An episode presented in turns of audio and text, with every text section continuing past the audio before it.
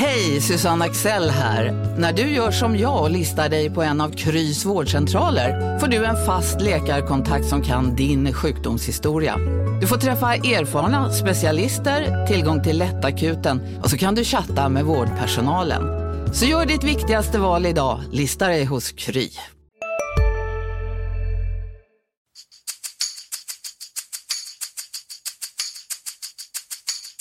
Det mycket, mycket snack om det här inhoppet. Det är svårt att förbereda sig. Va? Så att, det är mycket känslor som fäller över.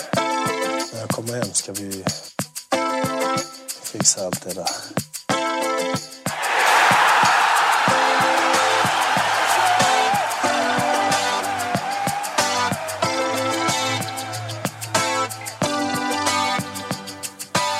Välkomna tillbaka till MFF-podden. Det här är avsnitt 110. Jag heter Fredrik Hedenskog och jag har sällskap av den eh, ständigt arbetande Max Wiman. Hej hej! Ehm, Vi har inte lyckats hitta någon tredje deltagare idag men eh, jag tänker att du Max har så mycket med dig hem från Spanien så att eh, det behövs inte. Ja, mycket är väl sagt och sen, men vi sa väl det är väl lika bra på något sätt att liksom avsluta det här lägret nu och sen så är det ju så att Malmö har sex dagar ledigt så att det blir väl lite vila på MFF-fronten. Kanske. Vi tänker, eller jag tänker, var vill du börja någonstans? Ska vi börja med matcherna eller? Du bestämmer. Ja. Du är helt enväldig idag. Ja men då, då gör vi det lite för vi har inte heller eh, gjort någon podd sedan den, den första träningsmatchen. Nej just det, det har vi Så att, eh, vi har ju då eh, 0-1 mot Helsingör, 0-2 mot Östersund och 3-1 mot Sirius att Just det. dissekera. Just det. I, vad känner du för ehm, övergripande tankar liksom, som sammanfattar de här matcherna? Det är, det är nog lite för spretigt egentligen på något sätt för att få ihop det. Men eh, det som förvånade mig lite grann var att inte bara jag utan många fler var nog eh, hyfsat positiva efter Helsingör-matchen. Men där var Magnus Persson väl ganska kritisk. Och sen var han väldigt positiv efter förlusten nere mot Östersund och där tyckte väl vi andra kanske att det inte var så bra. Eh, vad det gäller Östersundsmatchen så det man naturligtvis kan falla tillbaka på det är det här att han tyckte att eh, MFF efter den inledande anstormningen lyckades stänga ner Östersunds spel.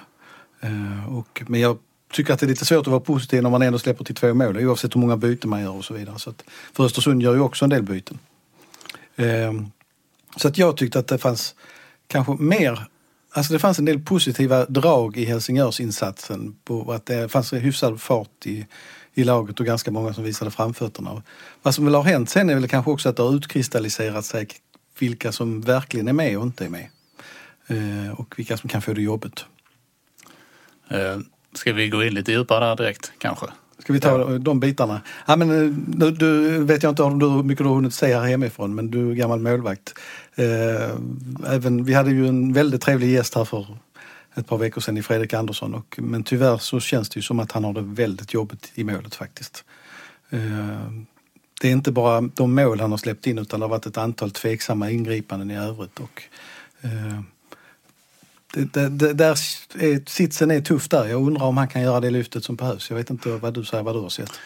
Nej, jag, jag har inte sett eh, tillräckligt mycket. Eh, och det jag har sett är ju det är de sändningar som har, som har erbjudits. Och framförallt eh, de här nere från Spanien. Är det ju väldigt svårt att bilda sig en uppfattning om spelet om man inte är på plats. Mm, är, Kamera är på eh, marknivå och, och eh, väldigt långt ifrån spelet hela tiden. Så det är väldigt svårt att uttala sig om.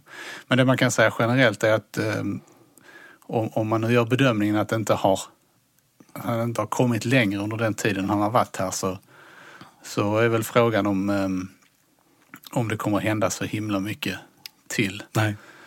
Eh, han har ju ändå eh, varit, eh, hur länge har han varit i Malmö? Det är Vad blir det? Ett och ett halvt år? Va?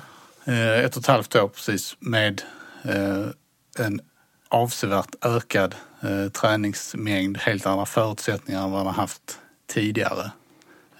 Sen kan jag för lite om hans kapacitet när han kom för att, för att uttala mig om, om utvecklingen. Liksom. Men, men, men det känns ju lite... eh, ja, För det finns ju inte heller... eh, Där har man inte riktigt råd att, att utvecklas eh, genom spel så att säga. Utan man måste ju vara redo när, När chansen när, kommer. när chansen kommer och när behovet finns. Sen den, det som väl sticker ut tror jag också det är naturligtvis att uh, Felipe Carvalho, i, i, inte minst i skenet av att Kåre Arnarsson har försvunnit, eh, inte ser ut att kunna ta chansen heller. Eh, det är fladdret, det är instabilt. Eh, vi kan inte hur länge som helst säga att potentialen finns där men han har väl varit inne på nästan alla mål som har släppts in tror jag. Och det, det är, första halvlek mot Sirius var inte... Den var lätt kaotisk säger vi väl då, så är vi lite snälla. Eh, Om vi, om vi tittar... Så där har du väl det andra stora frågetecknet faktiskt. Om man tittar bredvid honom, då har, har du sett Lasse Nielsen i, i tre matcher. Hur ser det ut? Jag tycker att man har sett för lite av honom ändå på något sätt nu. Men han, han är lugn och trygg och han har, han har tappat några dueller kanske. Men, men jag tror... Eh, alltså man ser ju att det är en duktig spelare och jag tror att det kan bli bra. Sen gäller det att han hittar samarbetet med Frans Brorsson, att de funkar tillsammans. Eh, och det tror jag de kan göra. Och ska man fortsätta där i försvaret så tycker jag där, i gengäld då att Brang Safari vet vi ju att han är en väldigt duktig spelare. Men både han och Anton Tinnerholm har sett otroligt stabila ut bakåt faktiskt. Eh, Så där finns en klar trygghet. Eh, Ska vi fortsätta uppåt i laget helt enkelt? Ja, gör det.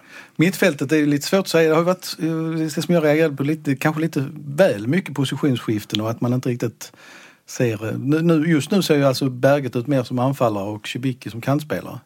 Och Cibicki har... har Cibicki har, har har gjort det bra och det ser väldigt spännande ut. Eh, de här mer rutinerade spelarna, det var ju Magnus Persson inne på också, det är svårt att säga vad de egentligen visar. Alltså på en sån här resa. Men, men Cibicki har stuckit ut tycker jag. Svanberg har stuckit ut på träningarna. Och Sanna stack ut i sista matchen. Eh, faktiskt på ett positivt sätt. Eh, och likadant Oskar Lewicki ser ut att vara längre fram än innan. Men det gäller att hitta rätt balans i det här. I gengäld då så, som sagt, Berget vet inte riktigt. Markus Rosenberg var ju bara en halvlek. Eh, Alexander Jeremejeff har varit skadad men stack väl inte heller ut sådär jättemycket så att han... Det är väl också ett litet frågetecken kan jag tycka. Och sen har du lite yngre spelare som Teddy Bergqvist fick väldigt lite speltid. Ja. Ekström har vi... vi hoppade där. över. På något sätt så... Eh, ja, det är lite grann också, tycker jag, han måste också få hitta sin position. Och det har varit rätt mycket flyttande fram och tillbaka. Och, ja, alltså, det där är, jag är inte orolig för honom, jag tror att det kommer. Eh, matcherna där nere blev lite konstiga. Östersund blev då en lite annan matchbild kanske mm, än vad man förväntade sig. Eh, alltså att MFF fick igång så lite eget spel trots allt. Och så lite, de tyckte att de hade många chanser men det var väl inte så jättemånga. Sirius-matchen. Kan man, är, det en, är det en tolkningsfråga? Nej, egentligen är det inte det. Jag många- tror- ja, jag tycker att vi hade många chanser. Jag, jag tror att någonstans sa Magnus Persson till, till slut liksom ändå att men det är klart att så länge om vi inte träffar mål en enda gång på matchen så är det svårt att göra mål. Så där har du kanske lite skillnad i vad, vad vi tycker är en chans och inte. Eh, och sen Sirius-matchen den eh, visade ju risken med det här lägret eftersom den spelades i väldigt kraftig blåst och eh, tänker man tillbaka så, så liksom, det var inget... Anders Andersson sa i sändningen i första halvlek att Sirius har lite medvind. jag tyckte det var... jag kunde han dratt på lite Han mer. kunde ökat det lite till där. Planen låg ju helt öppet också. Va? Och det, på något sätt så, det, det blev ju inte riktigt en schysst match. Det var, blev väl mer så här att ja, Malmö var ett så mycket bättre lag än Sirius att till slut så vann de. Eh, Men det var ju inte på grund av ett fantastiskt spel. Men däremot tre väldigt fina mål. Ehm, ja, och vad gäller mittfältsdiskussionen så mm, kanske det kan vara läge att ta en, eh, en påminnelse också om Anders Christiansens status och eh, prognos. Och han, jag tror ju att han är väldigt viktig för Malmöspelet. Och det ser bättre, mycket bättre ut. Han kunde springa där nere, med en del bollövningar. Och, eh, det, det, han, är, det, han spelar inte match säkert på en och en halv månad men han är ändå på väg. Men det kan det, det, det, de måste ju ha alternativa lösningar, kanske i början av allsvenskan trots allt. Så är det nu. Ska inte glömma Erdal Rakip heller, som, som, lite upp och ner. Inte det där definitiva steget nu heller, det tycker jag inte. Men... Det känns inte, med tanke på det man har sett i matcherna här nu, känns inte han som, som en eh, backup till Ricky? Jo, lite så. I, I Magnus Ja. Perssons Jo, men så, så, tankar i alla fall. så tycker jag nog det ser ut trots allt. Alltså att, eh, han, han slår inte ut någon annan i detta läget. Och sen om vi kanske inte har pratat om de mer etablerade då. Jag vet inte om jag glömmer någon mer. Men, men det är ju Andreas Windheim och Joshua Jotun som egentligen har liknande, vad ska vi säga, situation. Båda kan spela utommittfältare och båda kan spela ytterbackar. Jag tycker att Windheim visar offensivt igen kvaliteter. Han gör, gör mål men eh, gör också ett misstag mot Östersund bakåt som betyder mål och där är hans dilemma. Och Joshi är ju lite samma sak. Mm. Jag tycker att Joshi är slarvigare i sitt passningsspel. Alltså det händer mer runt honom men han slarvar för mycket i avgörande lägen. Det som gjorde mig väldigt konfunderad, och han aldrig kollade riktigt, det var att eh, han inte fick komma in i andra matchen. Det förvånar mig lite grann. Jag kommer på att vi har glömt en till nu i denna ja. långa genomgång. Det är ju faktiskt Paconate som jag pratade med på precis och han var ju så förhoppningsfull att han skulle få spela. Eh, jag tyckte att hans insats i första matchen också gav vissa frågetecken och jag är inte heller säker på att han tar nästa steg faktiskt. Um, en som man då ändå får säga har tagit steg är ju uh, Pavel Cibicki. Yeah. Um, om ni uh, inte har läst uh, Max intervju med honom från uh, lägret så kan jag varmt rekommendera er att göra det. Det handlar om mycket mer än bara fotboll. Mm. Um, men eftersom det handlar om fotboll så, så släpper vi den där. Där känns ju, alltså dels så har ju, kunde man ju se det redan förra året i Jönköping att det att det hände saker. Men det blir ännu tydligare när han nu har kommit tillbaka. Mm. Och jag tycker också det är väldigt intressant att, för det känns ju om man tittar på hans kroppstyp och hans styrkor och så, så yttermittfältare känns ju kanske mer eh, rätt för honom än, än eh, ligga och stångas på topp i den, i den typen av matchbilder som, som eh, MFF kommer att ha. Det var ju skillnad i Jönköping när det var lite mer kontringsfotboll. Ja, jag håller helt med dig. Och jag, det har ju hänt någonting med honom. Alltså, jag vet inte hur jag ska uttrycka Han är mer rak i ryggen, tar mer ansvar, tar lite mer plats på ett mer positivt sätt. Innan han gav sig iväg så var han, det var lite grann liksom unga stjärnan som glassade runt. Eh, nu är han en helt annan typ. Och det, bara det här att han, han har stått och nött mycket frisparkar på, på träning och sådär. Och redan mot Helsingör så tog han ju frispark och nu är det så länge sedan men jag tror han sköt den i ribban. Mm. Eh, han tog en bra frispark eh, när Ekrem hade gått ut mot Sirius också. Eh, som var helt okej. Okay. Han träffade lite för mycket mitt på mål kanske bara. Men det, det, visar liksom att precis som att han har vuxit en dimension och jag tror också att i första hand att en offensiv kantroll passar honom bättre faktiskt. Och MFF kommer ju i många matcher kunna spela med två väldigt offensiva kantspelare och det är ju spännande. Um, har vi något eh, kvar här som vi inte har? Ja, de övriga skadorna tänker jag. Rasmus ja, vi... Bengtsson och Johan Wieland. Ja, Wieland är ju Wieland är ju på väg tillbaka. Och det, men det, jag, jag, känner någonstans, vad ska man uttrycka det, en viss, eh, det är ingen som uttalar det, men kanske en viss oro eh, tills han verkligen står där och är helt matchredo. Eh, alltså vilket han fysiskt kanske redan är nu men det är just med bakgrunden av vad de, vad, hur det ser ut bakom honom så tror jag att de väldigt tidigt behöver få kvittot på att han är hel och hållen. Men, men eh, det ser bra ut och han var väldigt positiv själv. Kom på att vi glömde en spelare till det när vi pratade så mycket om Cibicki. Och det är ju för det är så att han blev lite ovän med en spelare, eller en spelare blev arg på honom på planen. Och det var Tobias Sana.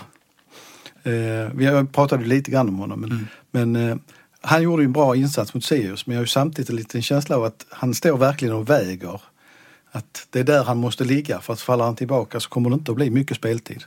Med tanke på att Svanberg finns där, Berget finns där som alternativ. Jotun. Um, göra, vad var det för, just det, Rasmus Bengtsson också. Hur just det. är läget? Ja, det, är ju, det är ganska tyst från, från MFF. Meningen var att, att Bengtsson skulle följt med ner på lägret men valde själv att stanna hemma. Eh, man pratar ju om eh, att ge honom så många månader som behövs. Eh, och jag hatar att låta som någon sorts domedagsprofet men, men liksom i hans ålder med broskskador, operation i november och kanske inte tillbaka för att testa fullt ut från framåt sommaren. Alltså det, är, det är ju inga bra odds tyvärr. Nej. Så att MFF kan ju inte i nuläget räkna med honom. Sen vore det fantastiskt kul både för honom och MFF om det gick. För det är ju som en broskskada, har du tur så, så går det. Mm. Um, om vi tittar på lägret i övrigt, eh, bortser från match, matcherna och resultaten. Eh, vad tar du med dig hem i eh, resväskan? Jag tänkte faktiskt när vi, när vi flög in. För... Du har förresten lämnat, du lämnar förkylningen där? Nej, den är på väg tillbaka igen alltså? faktiskt. har ont i halsen igen. Eh, nej, men när vi flög in över Kastrup igår och man såg all snön och vi, vi hade ju hört rapporter hemifrån så tänkte man, de tycker, de tycker säkert att man är idiot där hemma som klagar på vädret där nere. Eh, det är ju så, det har varit eh, betydligt mycket varmare och bättre än här. Och, eh, men det är ändå så att elitidrott är elitidrott. Ska du träna på högsta nivå så ska du ha bästa möjliga förutsättningar. Eh, och jag tycker inte att detta var bästa möjliga förutsättningar. Jag tycker inte att MFF ska ligga på nivå som inte är bästa möjliga. Eh, vädret där nere är osäkert. Det blåste ett par dagar. Det, den dagen när de var lediga hade de inte kunnat träna vågar jag säga för det regnade på förmiddagen och blåste. Eh, så de tappade inte så mycket där egentligen. Men eh, någonstans så, så behöver de en... Det var för tidigt på säsongen att vara där. Träningsplanerna var bra, gräsplanerna, men det var ju problem med den hybridplan man skulle spela på. MFF kunde nog tack vare sitt, vad ska man säga, ändå att man är nummer ett se till att styra att man alltid tränade på gräsplaner. Jag vet inte om det framgick men andra lag fick träna på konstgräs och hybrid och spela matcher där. Eh, och om de ville det eller det bara hamnade där, det vet jag inte. Eh, konstgräs i kraftig vind, det är ju, det är, det är inte så, skojigt. Det är inte så fint det heller, nej.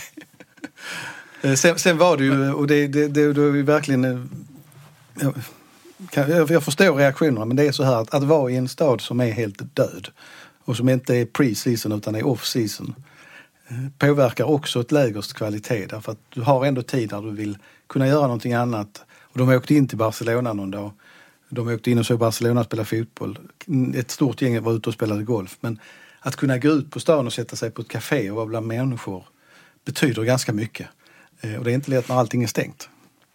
Men hur, hur um, om man då jämför med tidigare läger? Jag vet ju att många var ju väldigt nöjda med Dubai-lägret. Eh, där var, man var inte så nöjda med motståndet och man, i alla fall en av matcherna det va. Man mötte väl FCK sen. Ja. Ehm, och eh, man var inte helt nöjd med matcharenan. Och den låg också ganska långt iväg. De bästa lägren från Malmö FF har fortfarande varit de första lägren i Florida tror jag. Ett av dem var jag inte själv med på men jag förstått. Sista var, lite, var planerna lite sämre men sammantaget så tror jag att det är ändå en säkrare och bättre miljö borta i USA faktiskt. Eh, om man ska välja. Så, så jag, jag, jag, jag, tror att de lägerna ger egentligen allra mest. Du eh, som också intervjuade både Daniel Andersson och Niklas Kalnén där nere. Fick du känslan att detta var en, en budgetlösning? Ja, väldigt mycket. De, det, det, det är det som förvånar där och MFF säger inte så mycket utåt men Kalnén är ju tydlig med att eh, Daniel Andersson fick samma budget för två läger som för ett. Eh, och det är där jag menar att det känns lite småsnålt faktiskt. Um, men det är eh, det här det andra lägret då som, som kommer senare. 13 till 19 mars. Vet vi någonting om den anledningen? Jag tänker att då kanske det är lite det är längre söderut, eh, lite mer säsong om man ser på de bitarna i alla fall. Ja. Eh, så där kanske kommer att finnas lite mer eh, jag, liv och rörelse omkring jag, i alla fall. Jag, jag, jag tror alltså, det, det är ju vid Marbella och jag tror att det, det, liksom, det kommer säkert att bli jättebra där nere. Det, det, det, det är en annan tid och det är en lite annan miljö. Eh, och de spelar ju en match där nere, om jag minns rätt så är det väl mot Molde. Det är ett kortare och tätare läger så att säga.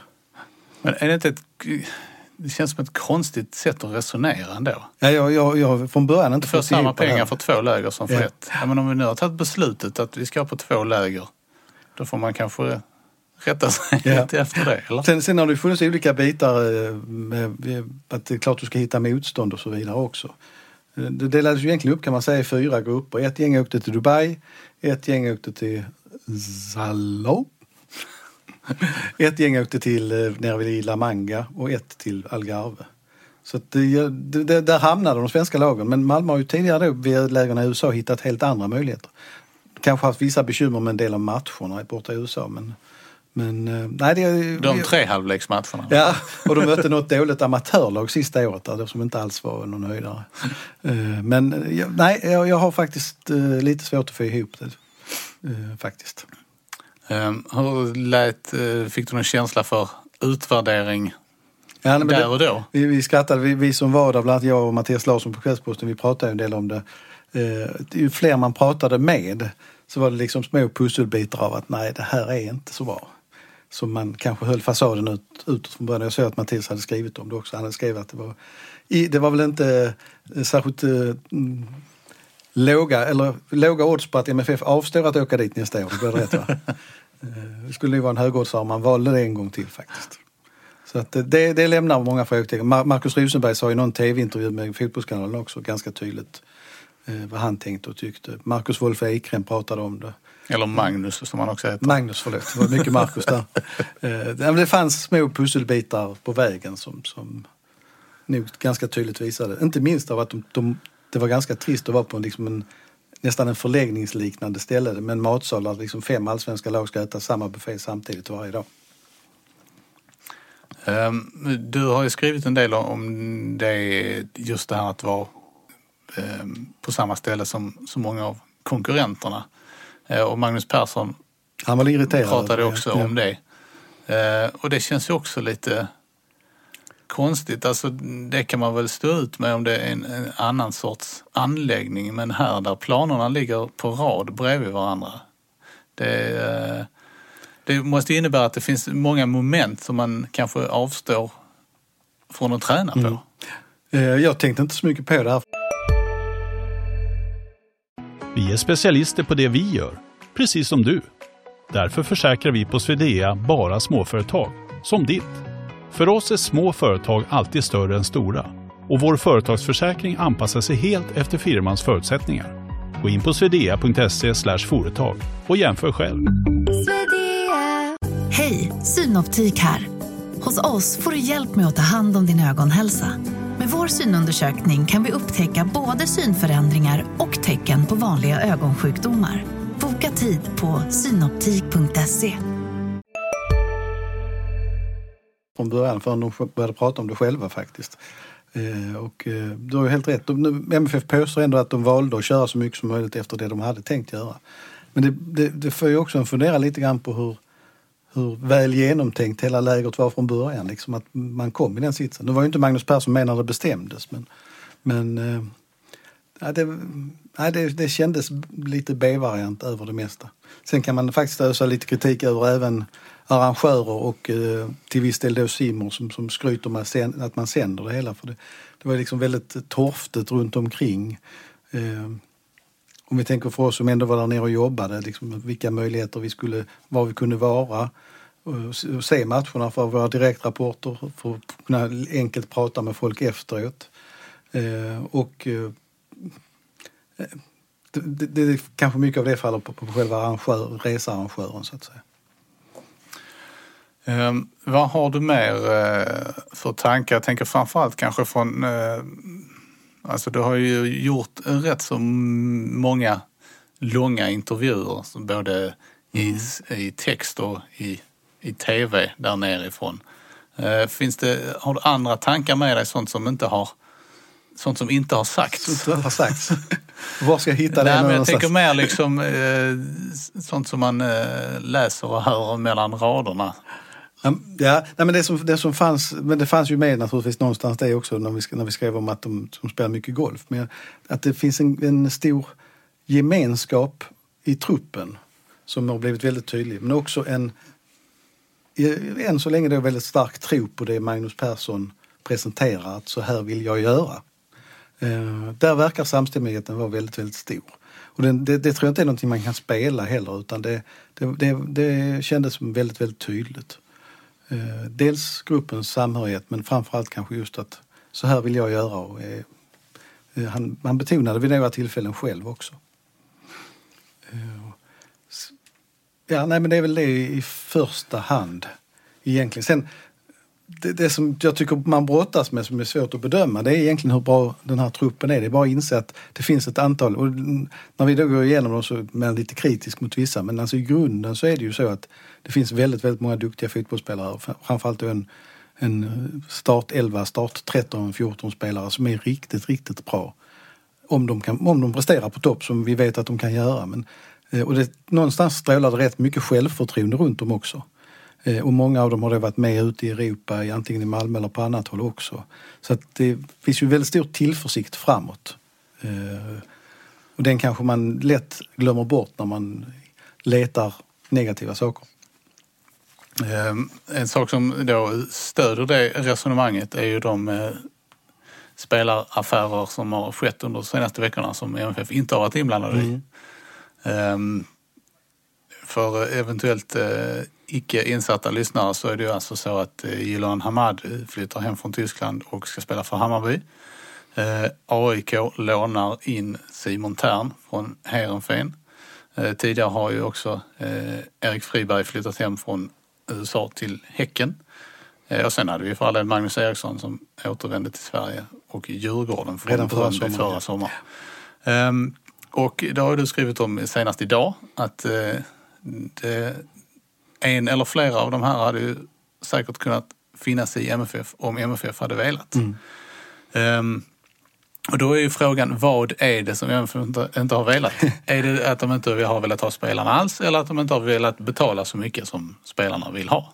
Jag, jag, jag tror faktiskt att det har verkligen legat någonstans mitt emellan på något sätt. Eh, Att eh, det finns en stor osäkerhet runt Jiloan Hamads kapacitet om han verkligen liksom går in och slår ut en ung eh, Mattias Svanberg just nu på ena kanten. Eh, vad det gäller Simon Tern så han fick ju kanske, han- alltså det var ju så svårt, jag trodde han skulle få ett ännu större genombrott i MFF än vad han fick. Eh, Och eh, där kanske man också jämför med var han stod i truppen då. Hamad hade ju väldigt hög status när han flyttade. Simon hade ju inte en lika fast position. Så att eh, där kanske man inte heller var riktigt säker. Jag, tror- jag tror inte det är så att någon av de här har begärt egentligen för mycket lön eller för mycket pengar så. Men utifrån vad MFF skulle kunna Alltså det skulle nog varit riktigt eh, sådana här drömlösningar ekonomiskt för att man skulle hoppa på dem. Därför att det är återigen det här som är det lite lurigt att eh, det känns som att Daniel Andersson är satt under en hyfsad ekonomisk press. Och att han ska dels truppen skulle minska så att han inte får ha för stora utgifter. Och, eh, i samtal med Niklas Carlén så på något sätt där, lyckas förklara han att de senaste åren har man värvat så många spelare så att det har blivit en dyr trupp eh, på grund av att de, det är ju sign-on-bonusar då. Alltså det är inte själva löneläget utan det har blivit dyra pengar in. Ut, förlåt, när de har kommit. Eh, och eh, där kanske ligger knuten att man var ju... Hade man inte sålt Kjartansson hade det blivit ett gigantiskt underskott 2016 vad jag förstår. Eh, och det balanseras nu av, av den övergången. Eh, och därför så är det kanske så att eh, Ja, då pratar vi 40 miljoner. 40 miljoner, kanske, ja, säg åtminstone 30 för det kanske fanns avbräck, jag vet inte. Men, men någonstans så, så känns det som att, att eh, Andersson får manövrera lite grann fram. Samtidigt som det finns en sak till och det är det här klart uttalade från honom själv och det tror jag verkligen han menar att eh, man ska inte upprepa från i fjol att de unga får stå tillbaka för mycket. Och det innebär ju, då tänker man på Frans Brorsson, eh, Pavel Cibicki, Mattias Svanberg kanske framför allt. Eh, att, att det kanske inte är rätt att ta in en, en uh, Hamad som man låter spela sig i form för att de ska tappa. Det jag Eh, tror, förlåt, ja. det jag bara tänkt på som jag tror det är, som är viktigt gentemot det verkar ju nästan som att supportrarna förstår det den här gången. Det är att jag tycker det vore bara löjligt om de visade någon sorts hat mot att Hamad och Tern, de klubbval de har gjort. Och Erik Friberg tror jag inte det blir så stor uppståndelse kring. Men, men de måste ju också ha rätt att spela. Och jag betvivlar inte att, om de hade, att de hade gått till Malmö om, om det hade varit 100% rätt för båda parter. Man får ju ändå ge Simon Tern eh, cred för att han har skinn på näsan. Att först gå från Helsingborg till Malmö och sen flytta hem till AIK. Det är ändå... Han är ju en sällsynt klok påg och försiktig så att det. Men eh, ja, Där kanske eh, eh, tränaren spelade en viss roll jag tror i att det gjorde. Jag tror det också. Absolut.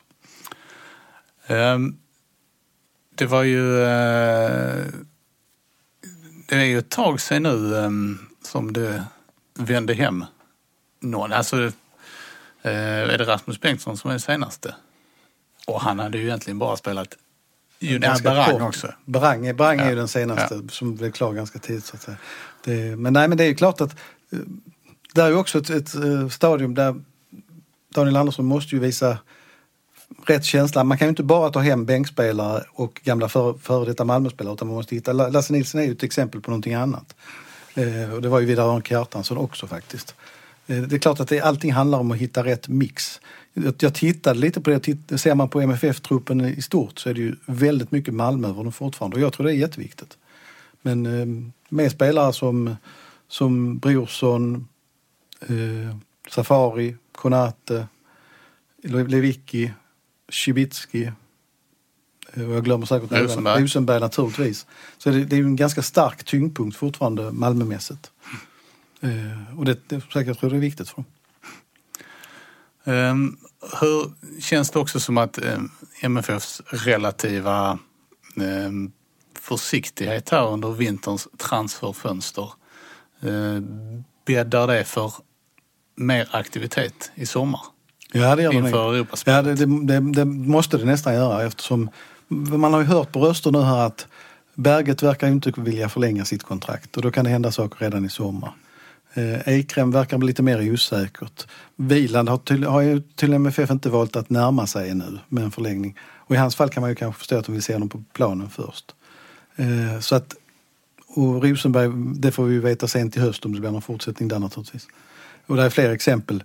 Men det, jag tror det är ganska tydligt att det kommer att hända mer runt laget då. Och det är ju en svår balansgång eftersom den första kvalomgången eh, spelas innan eh, MFF kan ta in spelare. Och det där är ett lite tufft läge. Eh, så att jag blir inte helt förvånad om någonting ytterligare händer under februari-mars faktiskt.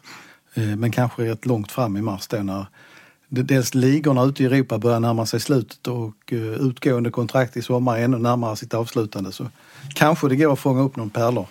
Det är inte alls omöjligt.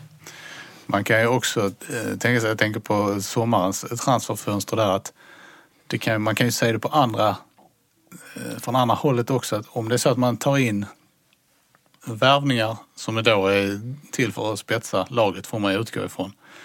Och sen så misslyckas man i första kvalomgången. Då är det ju lite grann eh, pengar i sjön. Då är det tufft läge. Man, och man tycker ju också att man ska kunna ta sig förbi den första kvalomgången med den truppen som, som man har. Ja, det, det, naturligtvis ska det vara så. Men det, man, man har ju sett värre saker hända. Men eh, så, är- så är det naturligtvis. Samtidigt så det Daniel Andersson uttryckte ovanligt klart där nere var ju att han var beredd att eh, låta spelare gå gratis i höst men hålla kvar dem i sommar för att liksom inte riskera någonting. Utan, och det, det kan ju vara en intressant synpunkt.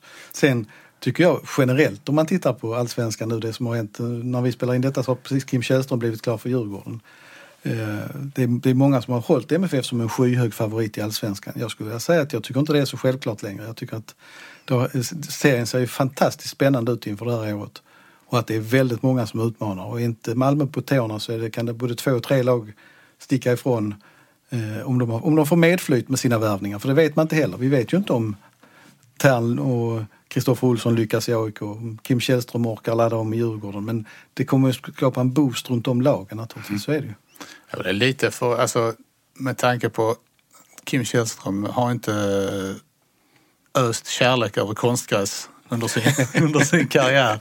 Så känns det som ett lite förvånande val. Alltså det, han hade ju nog inte tänkt det här egentligen. Så var det nog från början. Men, han får ju spela mycket på, han får spela på det sämsta eller minst upp, uppskattade konstgräset även om det byttes i fjol tror jag. I Tele2 Arena dessutom. Så att eh, det ja, kan bli intressant. Ehm, nu, hur, om vi tittar på MFF närmaste framtid, hur ser den ut? Den ser ut att alla golfspelarna är jädrigt irriterade på att det är snö ute för de har sex lediga dagar. De, eh, utan att känna dem så känns de ändå, ändå inte som eh, vintergolfare. Ja, det är nog ett par. Det är, nog- det är nog någon. Jag tror Fred, Fredrik Andersson kan du ringa när som helst så går han ut. Det är inga problem.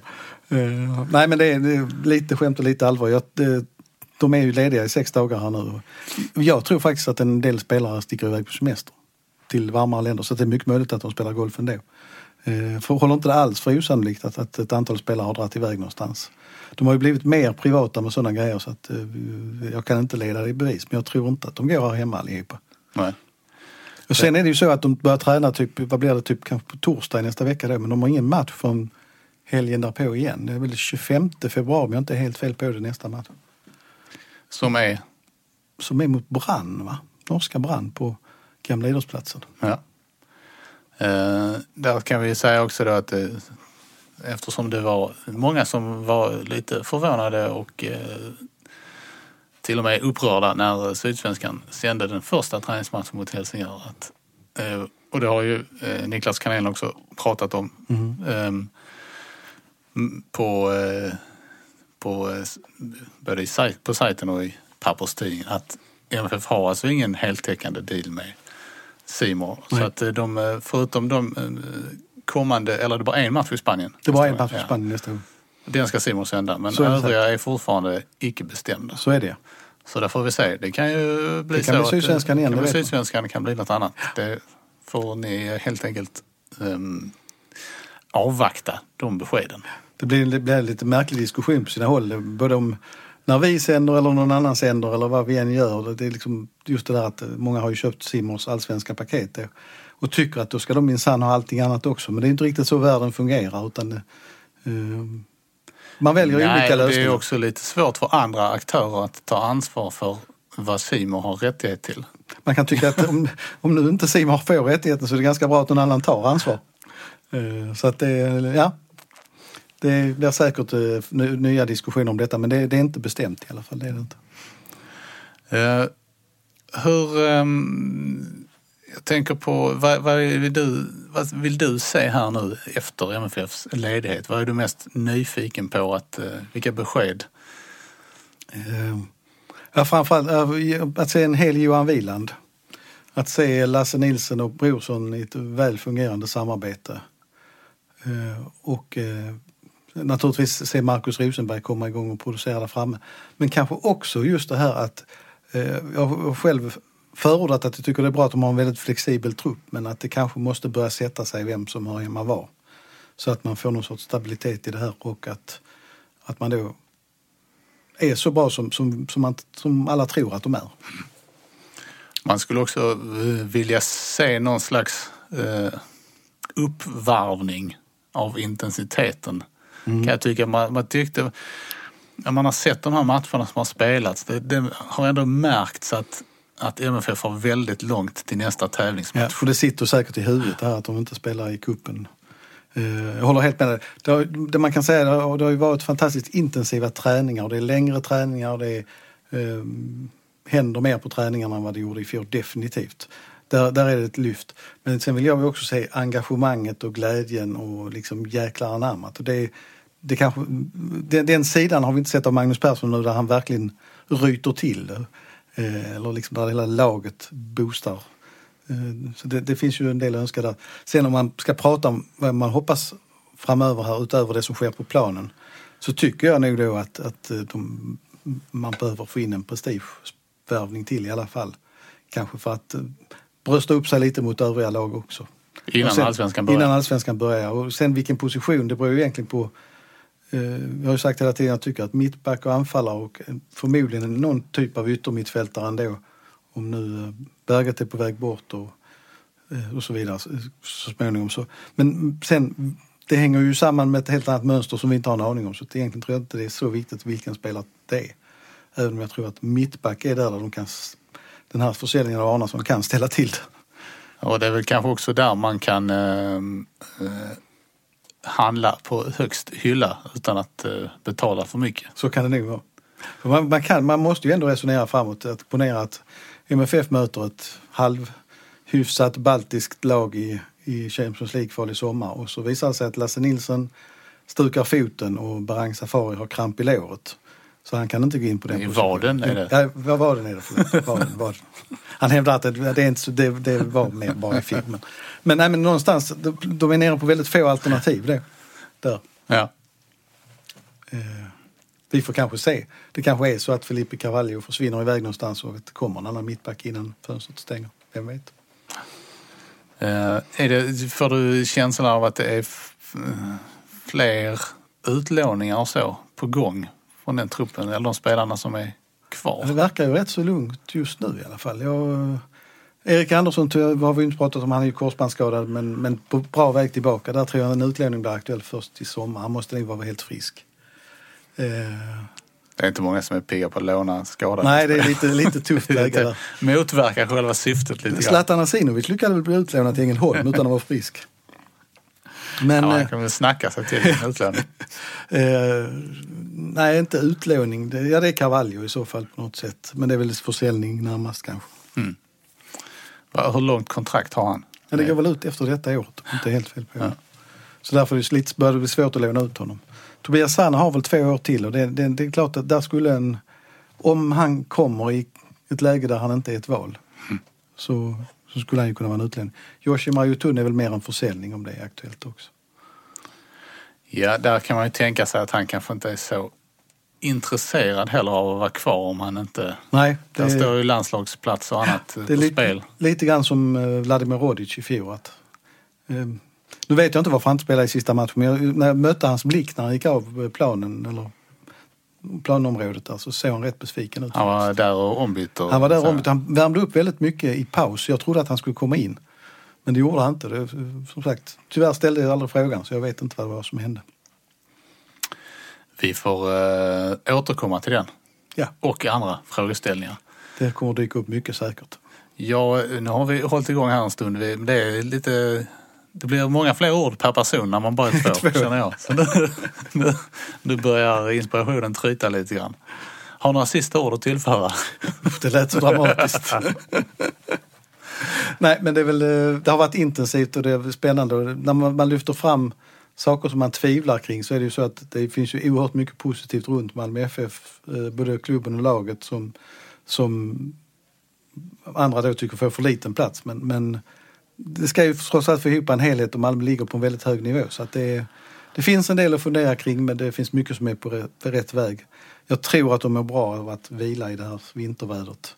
Eh, och så får vi se om en dryg vecka vad som... Vi kommer väl kanske tillbaka om en eller två, två veckor kanske det dröjer till nästa gång. Ja, vi får se lite. Vi får se vad som händer lite grann. Avvakta där. läget lite grann. Men eh, nu blev det rätt så långt uppehåll denna gången. Så att, eh, men det är ju trevligt om det finns någonting att prata om. Ja. Så att vi inte kommer igen när de har haft sex lediga dagar. Det kan vara lite, lite tomgång på ja, det. faktiskt. Då måste vi ha in någon annan som kan sitta här och fylla det tomrummet. Eh, Men vi säger så. Ja, tycker jag. Ja, eh, det här har varit det 110 avsnittet av MFF-podden. Jag heter Fredrik Hedenskog. Jag har haft sällskap av den ständigt arbetande Max Wiman och ansvarig utgivare är den likaledes ständigt arbetande Pia Renqvist. Tack för oss. Hej, hej. hej.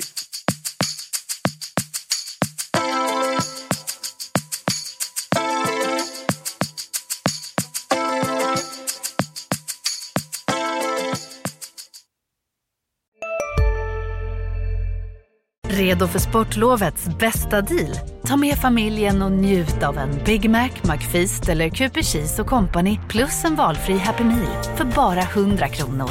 Happy Sportlovs deal, bara på McDonalds. Ni är med om det största. Och det största är den minsta. Ni minns de första ögonblicken. Och den där blicken gör er starkare. Så starka att ni är ömtåliga. Men hittar trygghet i Sveriges populäraste barnförsäkring. Trygg Hansa. Trygghet för livet.